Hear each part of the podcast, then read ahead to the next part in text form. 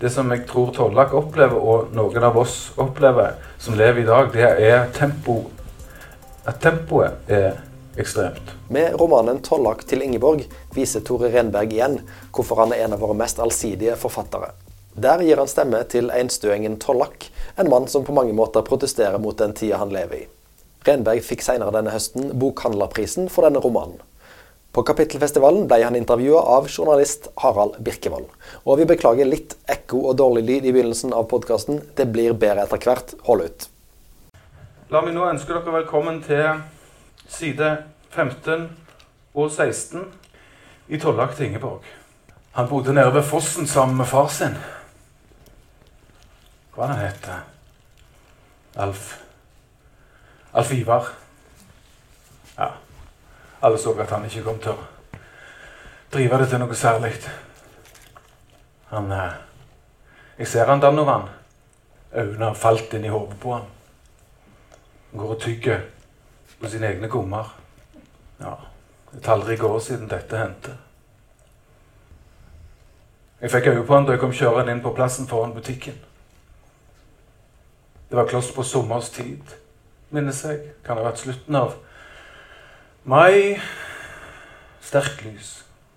Ville vinder som dro i grantoppene ned etter dalen. Butikken ligger syv kilometer ned i veien. Jeg har alltid gjort det sånn at jeg tar ned der en gang i uka for å få med meg det jeg trenger. Sånn var det da Ingeborg levde, og sånn er det nå. Selv om det ikke er mye meg og Otto må ha for å holde oss gående. Det er kaffe, epler, noen frysevarer, småting. Sønnen til han ved fossen og kameratene hans spant rundt på tohjulingene sine på plassen foran butikken. Oia, bråkte.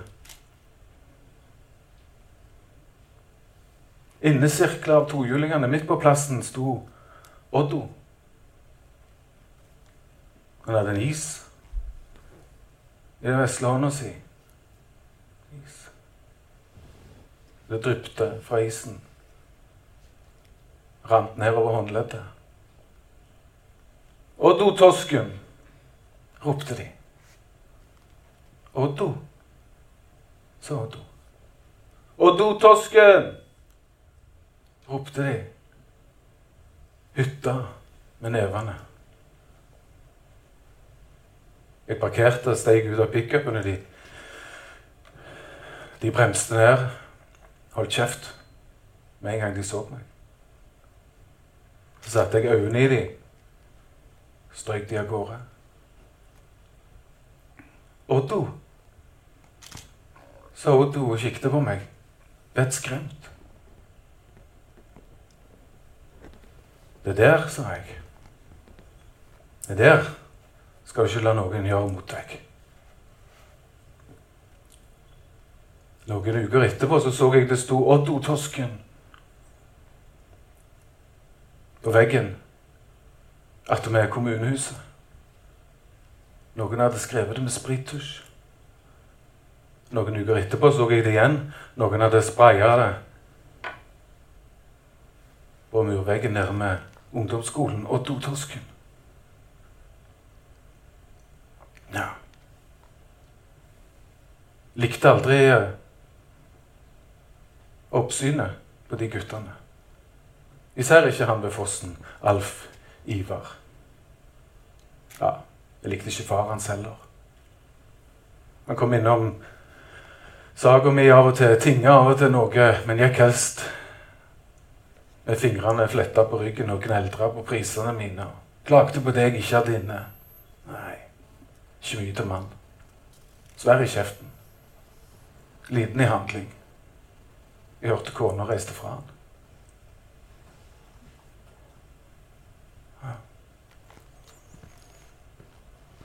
En en En eh, sommerskveld dette året da var jeg ute og gikk tur med Billy. Gikk og tumla litt oppe med de gamle ruinene vi har her. fikk jeg øye på han. Sønnen ved fossen. Han kom gående ned etter veien. Og da tenkte jeg nei, du skulle ikke ha møtt meg nå. Det tok ikke lange tiden. Da han var kommet attmed meg, så tok jeg et steg til siden. Klemte jeg i hop neven, slo han i bakken.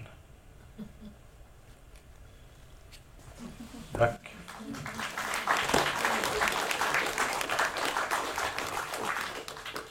Dypt imponert over at uh, menn på din alder klarer å lære seg ting utenat. Eh, Veldig bra. Det er hardt arbeid, Harald. Ja, 25 tunge, harde år Ja. i litteraturens tjeneste. Ja.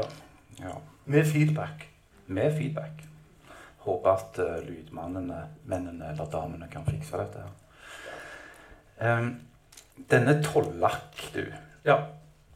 Jeg husker når jeg leste boka første gang, så var en av de tingene jeg tenkte da, det var at dette er ikke akkurat en mann av vår tid. Nei. Han hadde ikke gjort det så bra i sånne metroseksuelle kretser i, i bynære strøk. Mm. Hva er det for en fyr? Nei, du ja, Ikke sant, uh, Birkevold? Dette har jeg tenkt masse på, Harald. fordi øyeblikkelig når du møter Tollak, så tenker du antagelig det som du sier, det er ikke en mann av vår tid. Og så har jeg grubla på om hvorfor vi tenker det. For jeg vil jo da hevde at han fins jo på lik linje med alle oss andre. Han, han, han har ikke så mye feedback som meg. Og han blir ikke hørt. Det blir jeg. Jeg må begynne med lydprøver på kapittel 25 år uten at jeg klarer dette. Skal vi se. Um, um, skal jeg samle opp tankene? Jeg blir bare distrahert av den lyden. skjønner dere. Uh, så jeg tenker at det er, med, det, det, det, er sånne, det er oss i samfunnet som sier at han er ut, utidsmessige, tenker jeg. Det, han kommer jo fra det samme Han har det samme vekstvilkårene som Trygve Slagsvold Vedum har, Mm. tenker jeg. Så det er ikke det at han ikke fins. Det er bare det at vi har bestemt oss for at han ikke er liksom viktige, eller i hvert fall ikke riktige. Mm. Eh, Så, så, så da, da når vi sier at han er utidsmessig, så er det på en måte vår dom over et sånn type liv. Og det betyr ikke at han ikke er her. Eh, Eller kona hans, eller de rundt han, eller de miljøene. Men selvfølgelig har du jo helt rett. og det er sånn jeg også tenker da, At vi har parkert den typen mennesker, og vi vil egentlig at de skal, de skal helst forsvinne ut av kulturen. Ja, det var vel kanskje det som var hensikten med å spørre på den måten òg. altså at her, her treffer vi en, en person som du ikke vanligvis møter. Uh, ikke så mye i samtidslitteraturen, og heller ikke så mye i, i, i mitt fag, journalistikken. Nei. Eh, det, det er en type menneske som, som lever et ganske usynlig eh, liv, og, og som sjøl reflekterer over eh, sin egen for, sitt eget forhold til samtida. og det som det er jo ikke, altså Uten å overdrive kan vi vel si at Tollak har et eh, relativt han han er ikke spesielt glad for det han ser rundt seg. Nei, han sier i, i boka at eh, eh, jeg er tollak til Ingeborg, og jeg hører fortiden til. Og jeg har ingen planer om å finne min plass noe annet sted. Så for han er det avklart. Mm. Det, det, det er ikke et problem for Tollak, ifølge Tollak. Eh, eh, Dette her har han full kontroll på. Han syns at det som foregår nå, er tull og vas. Mm. Han dømmer vår samtid nord og ned, og forbeholder seg da retten til det. Også til også, han, gjør, han gjør jo også sitt ytterste for å skille seg fra, fra vår tid. da. Mm. Eh, Gjør, går til anst ganske tydelige anstrengelser for å slippe å være en del av denne tida.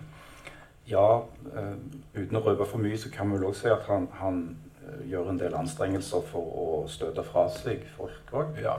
Han, han trives i strid. Ja. Trives i kamp og trives i uh, blir ikke noe godt liv ut av det, men han er vanskelig å få has på, tenker jeg, fordi han er jo ikke ute etter det som jeg kaller et, et godt liv heller. Han har ikke eksempel, Han evner ikke å kjede seg.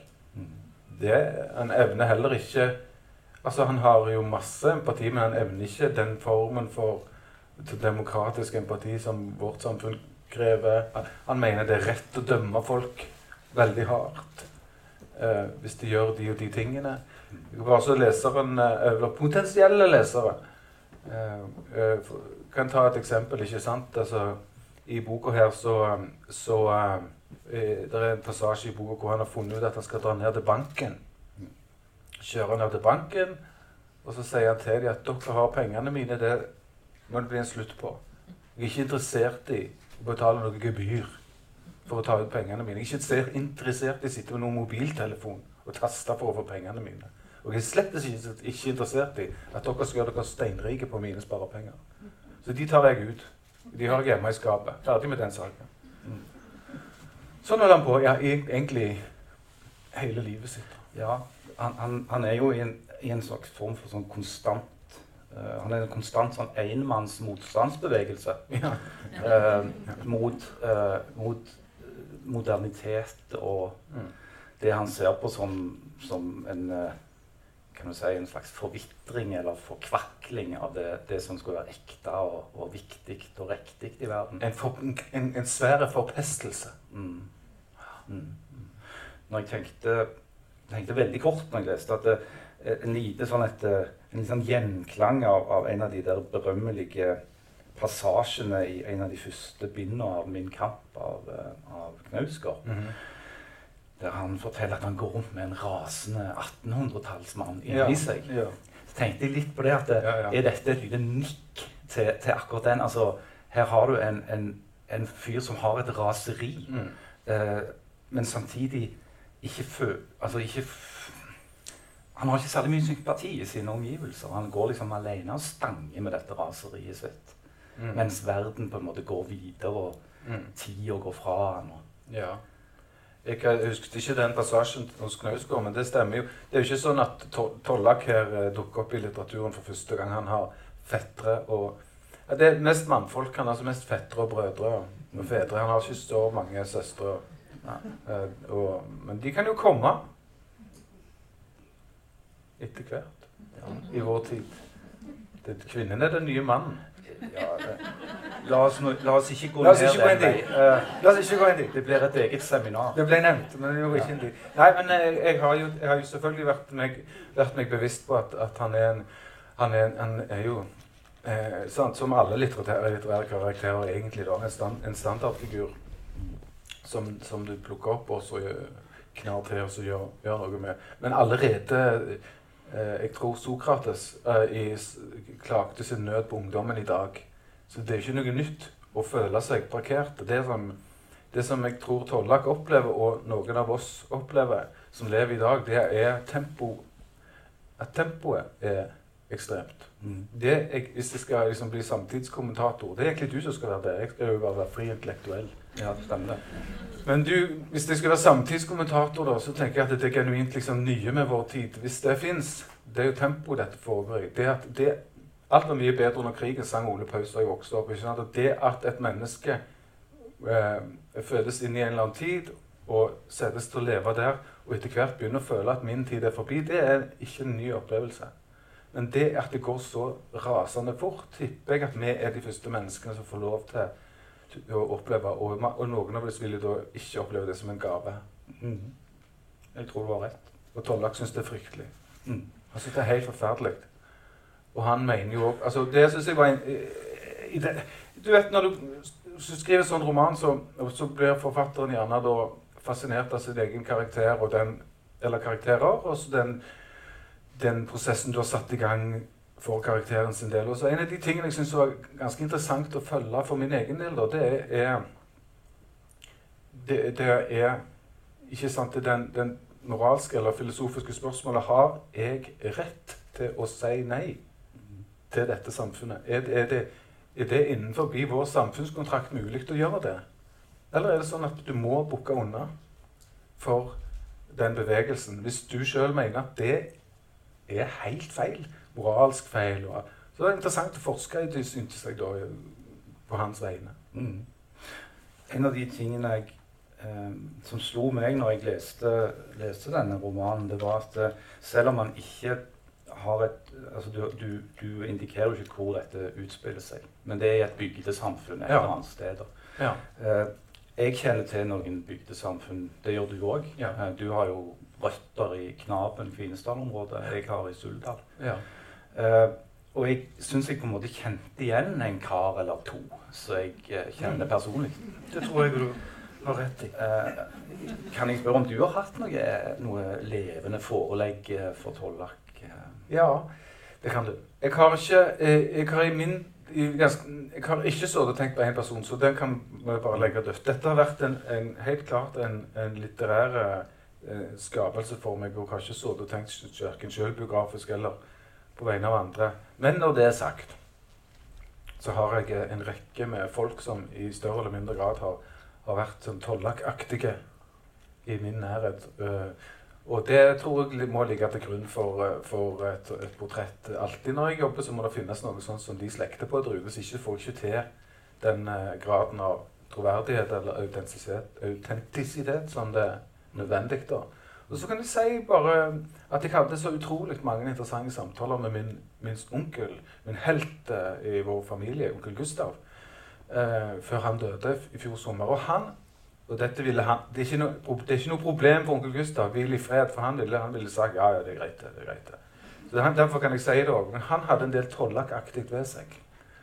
Jeg, jeg kjente jo òg din onkel. eh, så tar vekk en del av det groteske og grimme og nokså fæle ved tollak, så det er ganske mye sånn. Og husk onkel Gustav, han, han, hadde en, han, han hadde godtatt å ha han godtok mobiltelefon. Motstrebende. Motstrebende. Men når smarttelefonen kom, så sa han 'Jeg er ikke med'. Forstår dere? Jeg blir ikke med inn der. Dette her får dere holde på med. Og jeg var så interessert i det. For han bare sa jeg, jeg, jeg beklager, jeg, så mye har jeg tatt av forandring. Dette blir jeg ikke med på. Og jeg tenkte det var noe kult. Liksom. Ja, Det er noe nesten litt sånn heroisk. Ja, kjør på, onkel Gustav, tenkte jeg. Det hadde, og da hadde jeg de- den, den samtalen med meg sjøl at han har rett til det. Det er hans rett. Det kommer til å bli mye styr og kav og mas. Men det er hans rett. Det er jo noe med at jeg setter veldig pris på uh, i Suldal. Det at f.eks. uttrykket 'Nei, det var ikke så hakkande gale'. mm. Det er et fantastisk kompliment. Det er bra, det. Da er det så bra som det nesten går an å bli. Og det liker jeg veldig godt. Ja. Det var typisk onkel Gustav. Hvis jeg hadde gjort noe bra, så gikk han til kona mi og sa det, det var, var skikkelig bra. Skikkelig bra det Tore gjorde nå. Og han sa ikke alltid det. Han sa mange ganger nei, det, det kunne han holdt opp med. Men så kom han til meg og sa ja, det var greit. Ja, det var greit. Jeg har ikke sett Nei, nei. Ja. Nei da, men gjenklang, altså, Harald. Jeg har opp, opplagt masse gjenklang der ute. Og, og jeg, jeg nevnte tidligere Jeg mener jo òg å, å hevde på romanens vegne. Eh, så, så går jeg og tenker at, eh, at, eh, at det som Tollak står for, og det opprøret mot sentrum, sant? sentrum periferi, det opprøret mot sentrum, og det opprøret mot eh, modernitet og alle sånne ting, det er jo det som gjør at eh, Senterpartiet gjør det så fantastisk. Eh, hvis vi skal være reduktive, er det selvfølgelig mange andre ting. Det er skjermen til Trygve Slagsvold Vedum osv.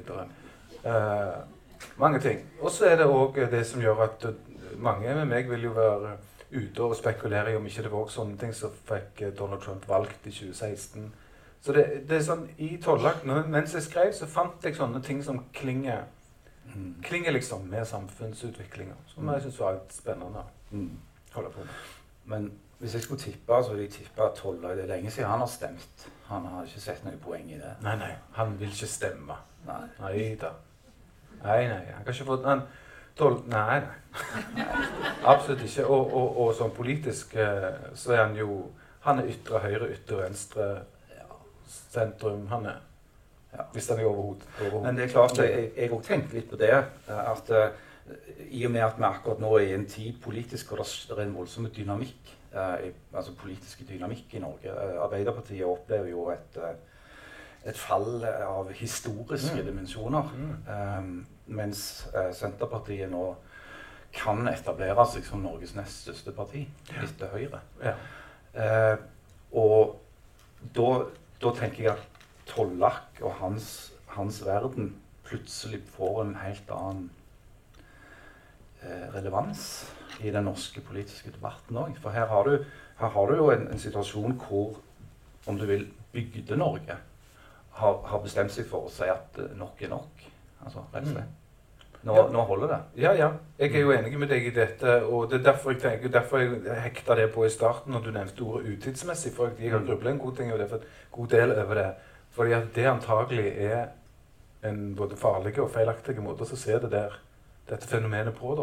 Mm. Det handler bare om hvem er det som snakker i et samfunn, hvem er det som ikke snakker i et samfunn, hvem er det som ikke har lyst til å snakke i et samfunn fordi de misliker samfunnet, osv. Alle de tingene der. Mm. Eh, ja. For Det går jo inn i den der diskusjonen så de intellektuelle leger koser seg med du, dette med sånn uh, somewheres og anywheres. sånn. Altså De som kan være fra som og de som er fra et bestemt sted. Mm. Og, og som identifiserer seg veldig sterkt med et bestemt sted. Det er spennende, det. Uh, Tollak er jo en, en, en helt nokså ekstreme somewhere, da, må man Mm. kunne si. Ja. Hans verden er ikke spesielt stor. Nei, den er veldig liten. Den består av en dal, og den består av noen folk der oppe og en tradisjon. Mm. Ikke sant? Og et, et tenkesett. Mm. Og han har ingen ønsker om noe annet. Mm. Det syns jeg òg er fascinerende. Jeg er, jeg er anlagt helt motsatt Torlag. Jeg ønsker meg liksom alt hele veien. Jeg er sånn eh, nysgjerrighetsmaskin og, og fyker rundt. Og, mens Tollak, har, ikke de, de- han har ikke det begjæret, altså. Han hadde ikke sittet her med en bøylemikk på seg og snakket uh, hadde- midt i høy, høyånda. Han hadde tenkt så dårlig om oss. Ja, han hadde det. Å, herregud. Ja, for noen folk. Det er stoff til ettertanke. Ja, det er stoff til ettertanke. Men, men det jeg har lyst til å spille inn, altså det, ehm, det Denne romanen begynte jo ikke hos Tollak. eh, den begynte hos Oddo, Mm. egentlig, når jeg begynte å skrive om dette. Som eh, dere hørte i starten her, en, en gutt som sto og ble uh, mobba da. Som, uh, som ikke, ikke er skapt sånn som uh, oss, kan du si. Det er der den romanen begynte, da, faktisk. Mm. Og het veldig lenge Oddo. Ja. Og det er jo heller altså Med fare for å foregripe litt her, så er jo kanskje forholdet mellom Tollak og Oddo eh, den arenaen hvor Tollak har noen andre strenger å spille på. Mm. Mm. hvor han får uh, vist andre sider ved seg sjøl. Ja, og oppdage andre sider ved seg selv. Men han er jo også krigersk i forhold til familien sin. Så han er krigersk der òg. Han er krigersk uh, i forhold til hva andre måtte mene Mm. om hans ikke, Altså, den sterkeste motoren i Tollak, tenkte jeg når jeg skrev, det er den der Ikke finn på å komme her og fortelle meg hva jeg skal gjøre. Bare ikke finn på det. Bare ikke kom inn på tunet mitt og, og si hvordan verken ungene mine skal oppføre seg, eller bilen min skal stå. eller noe. Det er helt uaktuelt. Så kom deg til helvete vekk herfra litt fort. ikke sant? Sånn tenker han. Og, og det Ja. Eh, vi har jo alle det i oss når noen begynner å pirke i våre kjære.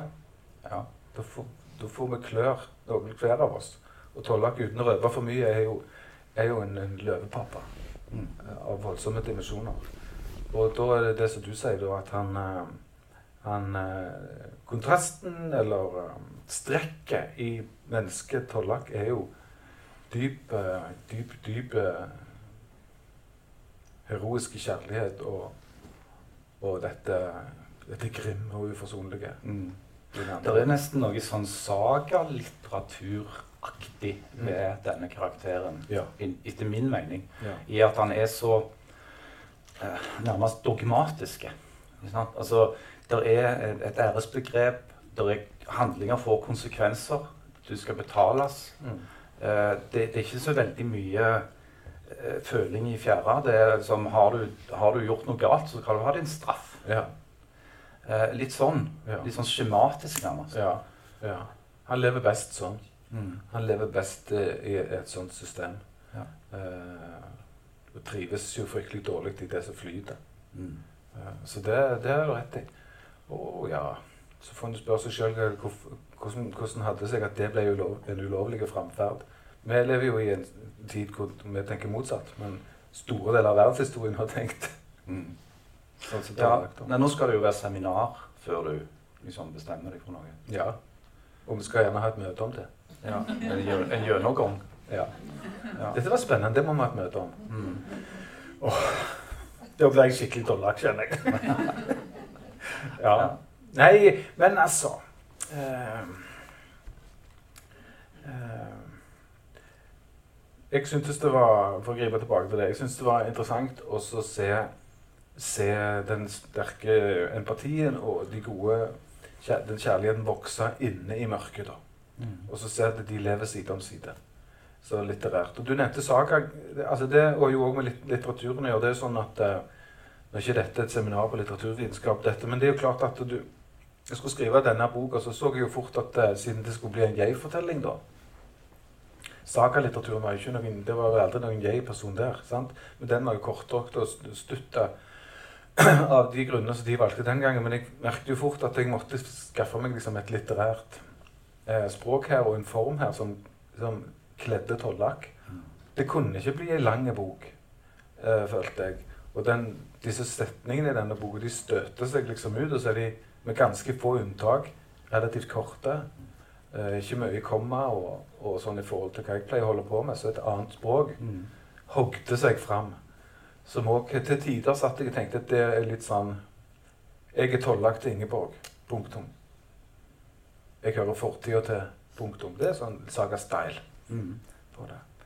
Uh, sånn at den ga, ga liksom et annet litterært uh, språk som jeg ikke tenker at jeg har holdt helt på med før. Mm. Så dro han hjem og satt hjemme i fem år. Ja. Ja. Ja, ja, ja. ja. Mm. ja. Altså, denne boka eh, kom jo eh, etter altså, ganske kort tid i den forrige. Ja. Eh, og mange har, har, tenkt at kanskje disse to bøkene, disse to romanene, en med en kvinnelig forteller en med en mannlig, at de på en måte snakker med hverandre på en ja. eller annen måte. Ja.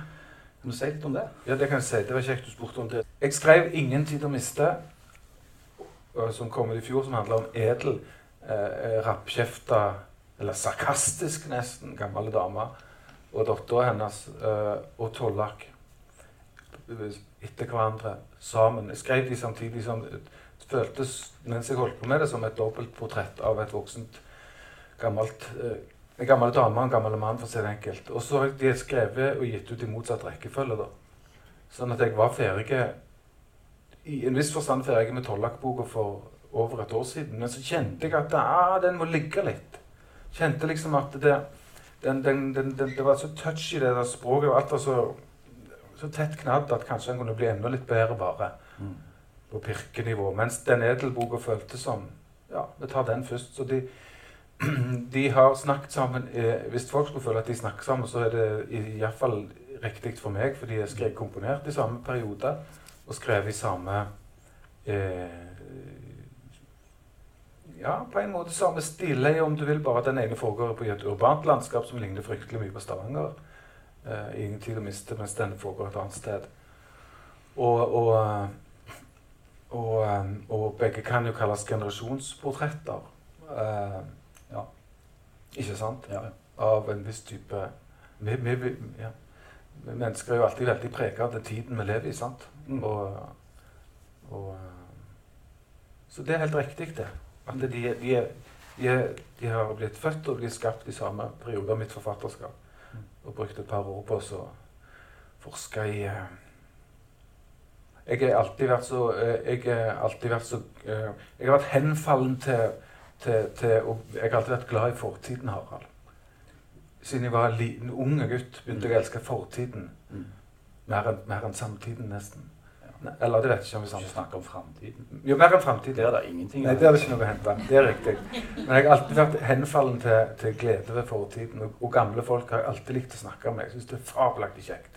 Mm. Så jeg jobbet med mormor alltid. og, mm. og, og lytta til Jeg vet ikke hva det er. Jeg har ikke, jeg har ikke analysert det i stykker og biter, men det er iallfall et faktum.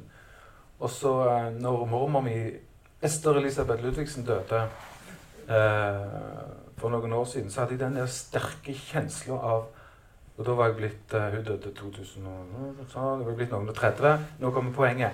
Da var jeg litt gammel nok til å kjenne det følgende. Når hun drar, så drar hun ikke bare med seg sjøl, men hun drar med en hel tid. Mm. Og det, det, er ikke, det, det, er ikke sånn som jeg forsto da jeg var 18, men da er jo noen og 30, så kjente jeg veldig sterkt at nå Herregud, det er liksom en hel tid som reiser fra oss. Mm. Som ikke lenger kan representeres ved et menneske, men bare ved fortellinger om mennesker. Eller bilder, eller hva det er. Og det for meg var det da en sånn radikal og ganske voldsom erkjennelse. Mm. Som jeg da fikk det for meg at litteraturen kunne bøte på. Ja, de sier jo det at når mennene kommer opp i en viss alder, så begynner vi med slektsgransking. eh, er dette liksom begynnelsen på en e- evighet med sånn litterær slektsgransking fra Ja. Bergsens side? da? Ja. Du har sikkert rett. Det var jo så var det mormor som drev med slektsgransking. Så det, men eh, det eh, Nå pirker du i et, i et Ikke et åpent sår, men det, sprekker, det har akkurat begynt å sprekke. Det er så vidt begynt å bli, bli, mot, bli ømtålig mot salt og, og svette. Men det skal gjøre litt vondt å sitte der. ja. Men jeg har kjent på Jeg skal røpe det som om det var noe veldig spennende, dette. Men det har jeg akkurat det går jeg kjenner akkurat det går jeg kjenner på for tiden. Sånn jeg er blitt eh, Jeg er midtveis i forfatterskapet. Sånn, liksom. ja. Så jeg har 25 år igjen, eller noe i den stilen. Så går jeg faktisk og kjenner på en følelse av høst. Du er på, du er på livets opplø, oppløpsside. Sjarmøretappen. Ja. Ja. Og, så, og så har jeg kikt på sånn, så ser du hva gjør andre i ditt felt, mon tro. Ja. Og så er det faktisk riktig, det du sier der, at forfatter har en tendens til å gå inn i en sånn en fase. Det er helt typisk at jeg ikke skal skrive 'Mannen som elsket Yngve' nå. Nei, nei. Det er helt typisk at den har jeg skrevet. Ja. Og nå skal jeg begynne å skrive romaner om, som foregår gjerne i bergverksindustrien i 1880-åra. Byen og verden. ja. Ja. Og så skal det bli sånn. Stort anlagt, episk historie, romanverk fra Jeg vet ikke. Mm. Men ja, nei, det, det er noen sånne greier som foregår. Ja. Ja. Farvel til ungdommen. Mm. Så har jeg ikke lyst til det heller. Altså, Heia ungdommen og alt det Det der. er jo så- grenser for hvor lenge du kan drive og skrive om sånne unge, frustrerte menn òg. Ja. Er det det, tenker du? Ja, er ikke det? Det er det. Jo, men jeg, har jo, jeg gjør ikke det For, f.eks. i Hillevågsgjengen så, det, så har, har jo eksempel Rudi, og de, og de, er jo, de er jo ungdommer, bare at de er 40. Ja, men de, har, de tenker de, de gjelder litt andre regler for Hillevågsgjengen. Alltid. Alltid. Ikke sant? Så de må jo bare få lov å holde på, tenker jeg. Det faktisk, eh, oppdaget jeg faktisk helt nylig, det, Harald, at, at han her Tollak, vet du hvem han er bror til? Det er Rudi. Storebror, da. Absolutt. Store Ja. storebror. Ja. For det, er det en, altså det Rudi gjør i Dette har jeg visste jeg ikke før nå nylig. Eh, Men da kom, for jeg kom til å se, kikke litt i forrige bok om Hillevågsgjengen. Og i starten der så er det bryllup i Hillevåg mellom eh, Jan Inge og Beverly Hinna. Og så holder Rudi tale. Og da Mm. siterer han Minnesota skosåle, som han kaller han. Din venn. Bob Dylan. Gamle Bob, ja. Og da har Rudi en helt hår, hårreisende, intellektuelt sett hårreisende, men menneskelig sett interessant utlegning om The times they are a-changing. Mm. For han mener at Bob Dylan har snakket om dette med forandring. Og Rudi sier det jo på sin måte. Han sier det ikke som Tollak. Tollak sier 'jeg hører fortida til', ferdig med det. T- Mens Rudi sier 'jeg vil for satan ikke ha denne jævla forandringen hele jævla veien'. Mm. Og det er samme mannen, da. Det er jo samme mannen. Det er samme legenden. Ja, ja, ja. Det er jo det. Så ting henger sammen, vet du. Ja, alt henger sammen. Men ok, nå, er jo, nå, nå gikk du ned denne veien sjøl. Altså, nå var 25 år som forfatter. Mm. Eh, Du begynte jo som en slags ektefødt barn av uh, tunge, tunge teoretiske litteraturstudier. Uh, og, og, og en voldsom intellektualitet. Uh, jeg husker jo veldig godt denne fusentasten Renberg som sprang rundt og var et slags Ja. intellektuelt uh, lyn. Ja. Jeg følte jo jeg, jeg var et ektefødt barn av, av uh, min egen følsomhet, så det var ikke, eh, det var ikke eh, Men ja, jeg, jeg, jeg hadde studert masse og lest masse, og det gjør jeg jo fortsatt. Og bøker er det jeg liker i, i verden. Og så fikk jeg lov å debutere som forfatter, og da, da Den debutboka mi liker jeg kjempegodt fortsatt. Og så skrev jeg noen, noen litt kompliserte, vanskelige bøker jeg ikke er så glad i, og så gikk det som det gikk. Men Ja. Jeg vet ikke hva du, du vil hen med Nei, dette. nå, nå begynte du å snakke før jeg var ferdig. jeg. Ja, det er typisk meg. Greia var at jeg liksom når, når du nå, Det var du som begynte dette her. Det var du som begynte å snakke om 25 år sånn. Skal, altså Hvis vi nå skal se litt tilbake Ja, det kan vi gjøre. eh, Du sier selv at du er ca. halvveis nå. Så det var altså Du har snakket 50 år lang eh, forfatterkarriere. Eh, midt i denne her kom Tollak til Ingeborg. Mm. Hva nå? Hva nå? Eh, jeg har jo kan. Ja, det er bare fordi jeg pleier pensjon... Forfattere driver og pensjonerer seg selv litt senere enn vanlige folk. litt ut i 70 år. Derfor har jeg regnet meg frem til at det kan være 25 år. igjen. Men jeg kan ikke se på det. Eh, nå? Nå er det jo sånn at jeg har skrevet tre bøker om Hillevågsgjengen, og det er, er et fantastisk uh, oppdrag jeg har fått i å være Hillevågsgjengens uh, eh, dirigent. Sant? Eh, og og, og, det, og det, det, det skal jeg fullføre iallfall ett bind til, og så får vi se hvor mye jeg orker. Fordi de tar en del krefter fra meg. Men, men det å være deres liksom kusk er helt topp. Mm. Så det kommer iallfall et bind til fra Hillevåg. Og, og, Ja, Du kan ikke slutte nå. Det er jo en, det er jo en eneste stor cliffhanger. Ja. nå, altså, hva Ja. skjer? og hele ja. Hver dag i Hillevågsgjengen er en cliffhanger. Ja, det er det. Så det, det er liksom Ja, det er det. Og det er så kjekt. Jeg kan tro jeg sitter hjemme og har det kjekt med de alle sammen. Og det må jeg få lov å si. Det, det kan høres teit ut, og så holder munnen, men sånn er det. Mm. Og så er det sånn at jeg eh, spør meg sjøl, Harald, eh, en gang i uka om jeg noen gang de skriver en Jarle Klepp-roman igjen. Og så, og så tenker jeg at eh, det, det, det kommer bare opp i, i meg. Og så kjenner jeg på meg at det skal jeg bare gjøre hvis det kommer en god idé, og det har jeg ikke. Så der legger vi den død. Mm. Og så har jeg masse eh, Jeg har fire-fem romantitler og romanideer hjemme som jeg har skikkelig tro på, og som jeg ikke vil si noe om nå. Men jeg kan røpe at de går i en annen retning Mm. enn de forrige 25 åra. Ja. Og, og, og, og så tenker jeg hvor, hvor unaturlig er det eh, for oss eh, at vi liksom søker andre ting, tenker andre ting når vi er blitt f.eks. som jeg, 48, enn da jeg var 33. Jeg syns det er helt naturlig. Mm. Og, og jeg er interessert sjøl i den utviklingen fordi eh, OK, vi kan snu på det. Eh, jeg hadde ikke skrevet 'Tollak til Ingeborg' når jeg var 30 år. Nei. Eh, og hvis jeg hadde prøvd på det, så hadde det blitt dårlige, dårlige tekster. Jeg kjente jo deg når du var 30 år. Stakkars deg. Ja. Og hvis noen hadde sendt meg det manuskriptet Ja. anonymt Ja. Aldri Nei. trodde at det var du som hadde skrevet det. Aldri i verden. Nei. Helt riktig, det. Så jeg, jeg tenker at min egen alder, eller forfatterens egen alder, er, er helt vesentlige for litteraturen. Og det er jo bare å kikke på forfatterskap som dere liker å lese, så kan du som oftest se om det er et, et ungdomsverk eller et midtliveverk eller et Mm. på gjengrodde stier, et høstverk. Eller et vinterverk, ikke sant? Og, så videre. og det, og det er spennende å følge det. Mm. det, i et forfatterskap. Det er spennende å lese den der unge eller to, Tonen fra, det, fra de ulike faser i livet. Og Alderen preger jo oss mennesker helt utrolig sterkt. Mm. Og det må du få lov å gjøre. Klart. Det er ikke korona, det er bare tørr luft. Mm. Ja. Jeg har ikke korona, jeg har akkurat testa meg. Du har testa deg, ja. Det gikk fint. Ja, og krever bare Vemmelig. sånn, Oh. Ja, nei. Ikke, Ja. Men det var jo Med bartpinner. Ja, eller det, det kjentes mer ut som det var en sånn toalettbørse. Uh, Men jeg har i hvert fall ikke korona. Nei. Det, er jo noe. det er høre. Um, nei, hva var det jeg skulle sagt? Jo, jo eh, akkurat når det gjelder det med altså, forfattere og, og dette med språket. Ja. Dette verktøyet da, Ja. som, som dere har til disposisjon. Det snakker vi gjerne om. Ja, og det var jo Du sa sjøl at uh, når du skulle gi stemme til Tollak, Ja. så måtte du begynne å skrive på en annen måte. En litt sånn urenbergsk måte, om Ja. du vil. Um, og det er noe som jeg har, har tenkt på når det gjelder deg og ditt forfatterskap så ganske lenge. At du er relativt flinke til å skifte stemme. Mm. Altså, andre, altså Enkelte forfattere har på en måte én stemme. Du, du kan lese to sider av Dag Solstad. så Det kunne ikke vært noen andre. Så. Sant? Ja, sant?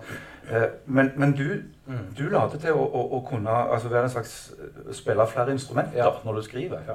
Ellers er det sånn at jeg later til å ikke kunne det som de kan. Sant? Dette er for meg kjempeviktig, det du trekker opp der i yrket mitt. fordi jeg, jeg, var, jeg lærte tidlig av f.eks. Jon Fosse da, at det å være forfatter det handler om å finne sin egen stemme. Det, det er det òg en del lærere som sier i skoleverket.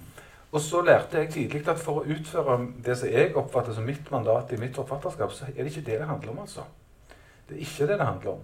Når jeg, når jeg skrev f.eks. dette mine gamle dager, som kanskje er det mest liksom, som Tore Renberg-personlige jeg har skrevet, så handler det om å finne noe som ligner på min stemme. Men utover det så har jeg opplevd det motsatt. Så jeg opplever oppdraget mitt som et annet oppdrag enn det, enn det oppdraget. Dette har jeg snakket med meg sjøl om i så mange år, fordi at jeg må prøve å forstå det. At for å utføre mitt forfatterskap, så er det det som du sier. Du finner et språk som passer til det du vil si. Ja, og til det, og, Ja. og til det ikke sant? Ok, hva er elementene her? Det er det geografiske området. Mm. I dette tilfellet en dal i ei bygd. Det er klasse. Deklasserte tollak. Han er sagbruk, han er forhenværende sagbrukseier, selvstendig næringsdrivende sagbrukseier. er Sagfører. Så, ja. så må du finne det, da. Og så er det den, den personlige biografien til den karakteren. Og så er det, er det tiden. Og så tenker jeg da ok, men da er det et språk som representerer alt dette. Mm. Så da blir jeg litt sånn manisk opptatt av å finne det, det språket. Eller Edel, som var mm, middelklasse Stavanger eh, as, Altså sånn damer som, av en viss generasjon som aspirerer til eh, eh, å bli, bli venninne med overklassen. Ja. Så da tenkte jeg da jeg tilhører hun en sånn språklig. Så har du Rudi fra Kloakken. Eh, jeg må ikke si det, for jeg får Hillevågsfolk på nakken. Eh, Rudi fra Hillevåg. Nei, han er fra Kjensvoll egentlig, men bor i Hillevåg. Så den gjengen, hvordan snakker de? Mm. Så det, det, det er intensjonelt fra min side. Det har at jeg sitter rundt sitter i forfatterskapet og leter etter den klang språkføringa og klangen. Og det handler jo om Da blir, må, må jeg pirke ned til mm, hvor, mange, hvor lange typer setninger og Hva har de lest? Eksempel Jan Inge i Hillevågsgjengen. Han er jo en bibelstudent. Det vet du. Han studerer Bibelen, og han, er jo, han er, jo- studerer lederfilosofi.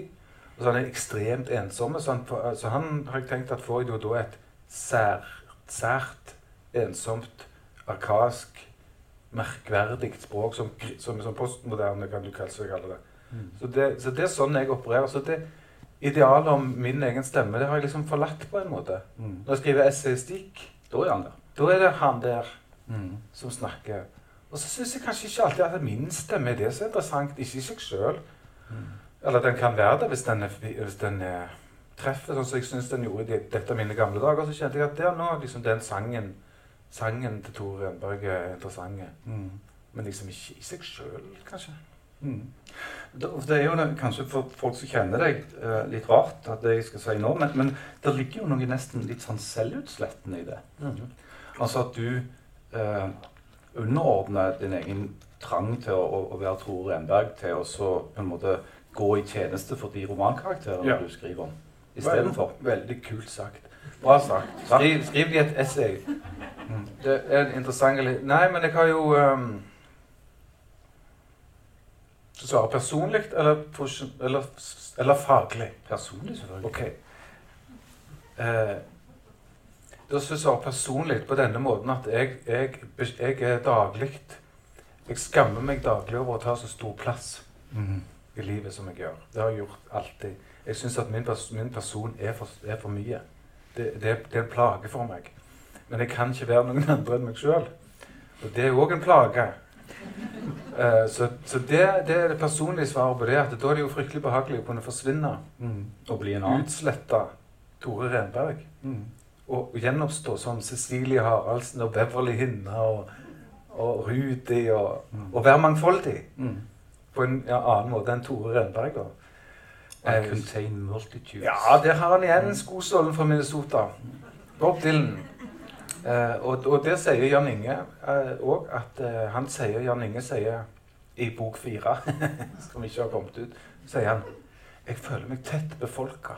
Ja, sier Jan Inge. Med stor interesse for det. Ja.